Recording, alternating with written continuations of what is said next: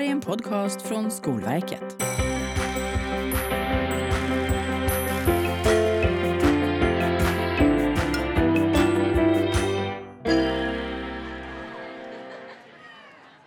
Från och med juli 2022 står hedersrelaterat våld och förtryck med i läroplanen för den kommunala vuxenutbildningen.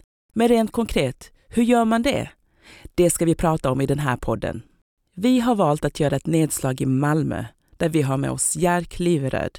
Du jobbar som rektor på komvux i Malmö SFI. Hej! Hej! Och Anna Windelöf Gustafsson. Du jobbar bland annat som första lärare och undervisar på barn och fritidsutbildningen. Hej och välkommen! Hej! Jag heter Rafaela Stålball Klåse. Anna, eh, du undervisar ju elever på barn och fritidsutbildningen. Hur gör du för att arbeta med frågor som rör hedersrelaterat våld och förtryck i undervisningen rent konkret?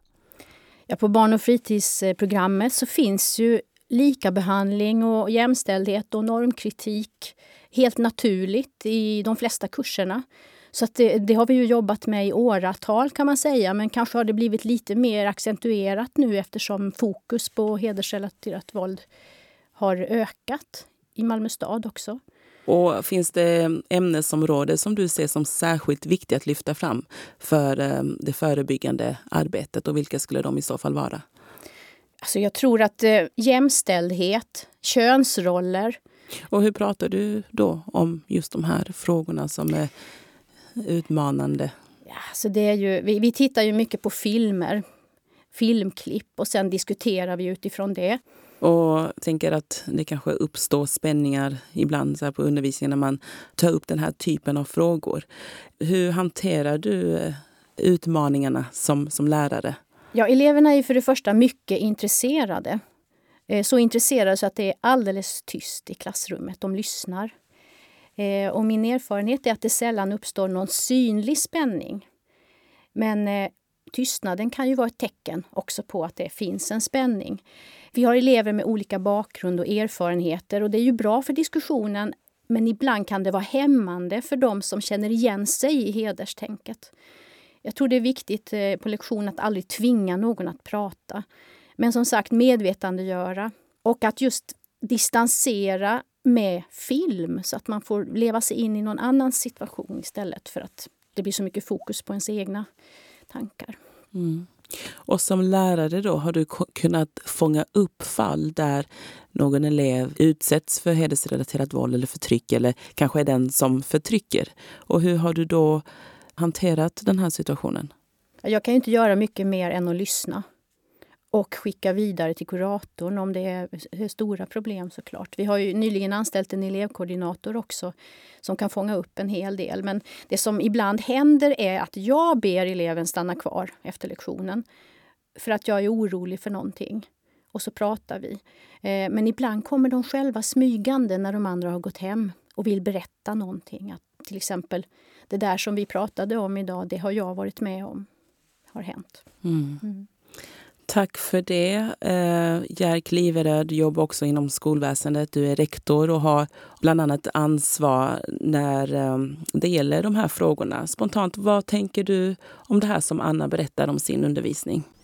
Jag tänker väl främst på det som du nämner Anna, att eh, det finns så mycket en lärare ska ta upp eh, i de här frågorna. Det är så brett spektra. Och det får man vara ödmjuk för. Man hinner inte gå på djupet med funktionsnedsättningar exempelvis om man samtidigt ska ta hbtqia-frågor. Utan det här gäller att vara lite ödmjuk och låta det ibland vara spontant, det som dyker upp. Mm. Men det är jättemycket som en lärare förväntas behandla i sitt klassrum. Mm. Hur kan man du då som rektor bidra för att skapa goda förutsättningar för att Anna och andra lärare ska kunna arbeta på liknande sätt i, i klassrummen.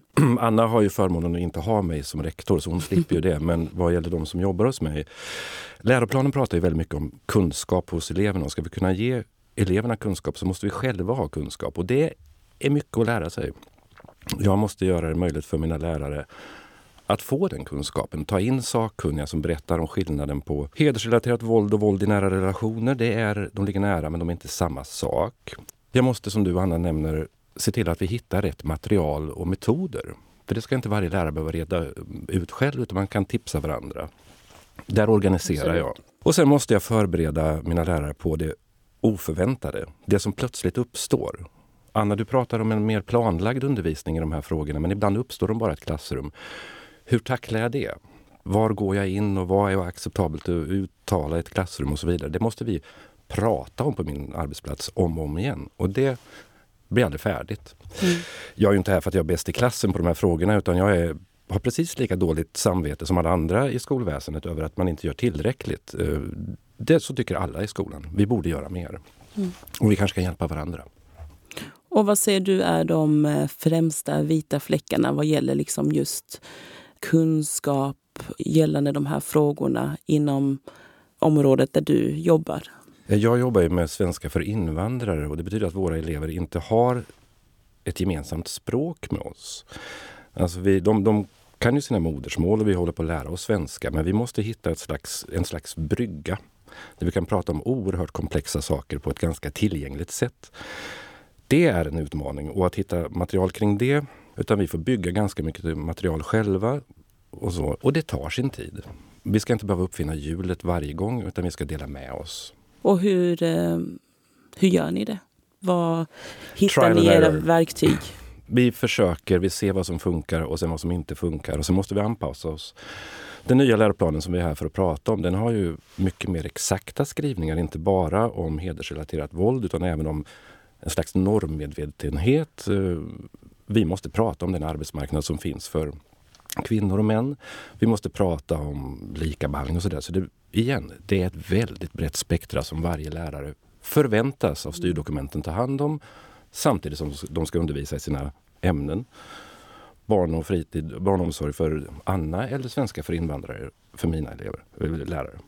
Och har du några konkreta råd kring hur man som ledning, som rektor, kan stötta sin personal i det här arbetet? Ja, vi är lekmän. Alltså, på en skola är man pedagoger, man kan sina ämnen. Men ta in sakkunniga. Försök inte själva uh, låta likabehandlingsgruppen eller jämställdhetsgruppen dra hela lasset. Ta in sakkunniga. Gör det inte vid ett tillfälle utan gör det vid flera tillfällen. Följ upp, för ni vet alla, man har en dag om sopsortering och sen är det bra och sen glömmer alla sopsortera nästa vecka. Samma här. Försök hålla i. Men ska man hålla i en sak, då måste man släppa andra. Och det, det är svårt. Styrdokumenten är ganska tydliga på att vi ska göra allt det där. Och då får man försöka fokusera på vad behöver vi mest? Vad behöver våra elever mest? Mm. Och när det gäller då det här systematiska kvalitetsarbetet, hur har ni lagt upp det när det gäller hedersrelaterat våld och förtryck? Det första vi gör det är ju såklart att bekanta oss med samtliga nya skrivningar. Där finns det skrivningar om, om, grundläggande kunskaper i arbetsmarknad. Där finns det skrivningar om den här normmedvetenheten och jämställdhet och så vidare. Och hedersrelaterat våld. Så vi måste först se hela bilden. Och sedan så kommer vi till det som vi pratade om här. Vi tar in sakkunniga som berättar för oss om hedersrelaterat våld. För vi lekmän tenderar att ha en ganska snäv bild av vad det är.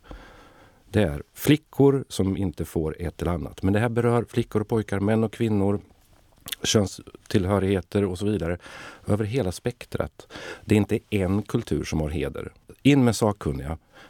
Ge oss kunskap och sen tar vi vid, vid det vi gör bäst, att möta våra elever. Mina lärare är ju experter på sina egna elever. Där är de bäst. Men de behöver redskap. Och det är mitt jobb att se till att det blir så. Systematik frågar de. Ja, det är svårt. Det är alltid svårt, det är alltid något man brottas med. Men vi försöker följa upp och vi gör enkäter och gruppintervjuer med eleverna och så vidare. Vi pratar med personalen, vi kollar upp hur det går. Vi tipsar varandra. Och sedan så tar vi oss vidare därifrån. Det kommande året kommer att handla ganska mycket om hedersvåld, hedersrelaterat våld. Men också naturligtvis om, om könstillhörighet och sexuella läggningar och sånt där som vi också behöver ta några steg framåt. Vilka framgångsfaktorer eh, ser du i arbetet som ni har gjort och vilka har varit de största utmaningarna? Det har du för sig kanske redan nämnt. Den utmaningen för lärarna det är ju tid och omfattning. Sådär. Men framgångsfaktorer det är ju faktiskt eh, de sakkunniga å ena sidan. Men också börja prata om de farhågor vi har kring de här ämnena. Att prata hedersrelaterat våld, det är man ofta lite rädd för. Man är rädd för att trampa på ömma tår såklart. För det, det, går ju ganska nära en del andra lagstiftningar. Vi har diskrimineringslag och rätten till religionsfrihet och yttrandefrihet och så vidare. Så där gäller det att vi pratar om hur man kan lägga upp det här. Både det planerade som Anna Mm. pratar om och det spontana. Så ett evigt diskuterande. Men det får inte stanna i det utan det måste från diskussionen gå ut i att man prövar och kommer tillbaka och säger det gick åt pipan. Det Mm. funkar inte. De blev tysta. Eller det här gick ganska bra. Eller de blev engagerade. Så. Sen får man följa upp det med eleverna och lärarna. Anna Windelöf Gustafsson, du Mm. nickar för fullt här.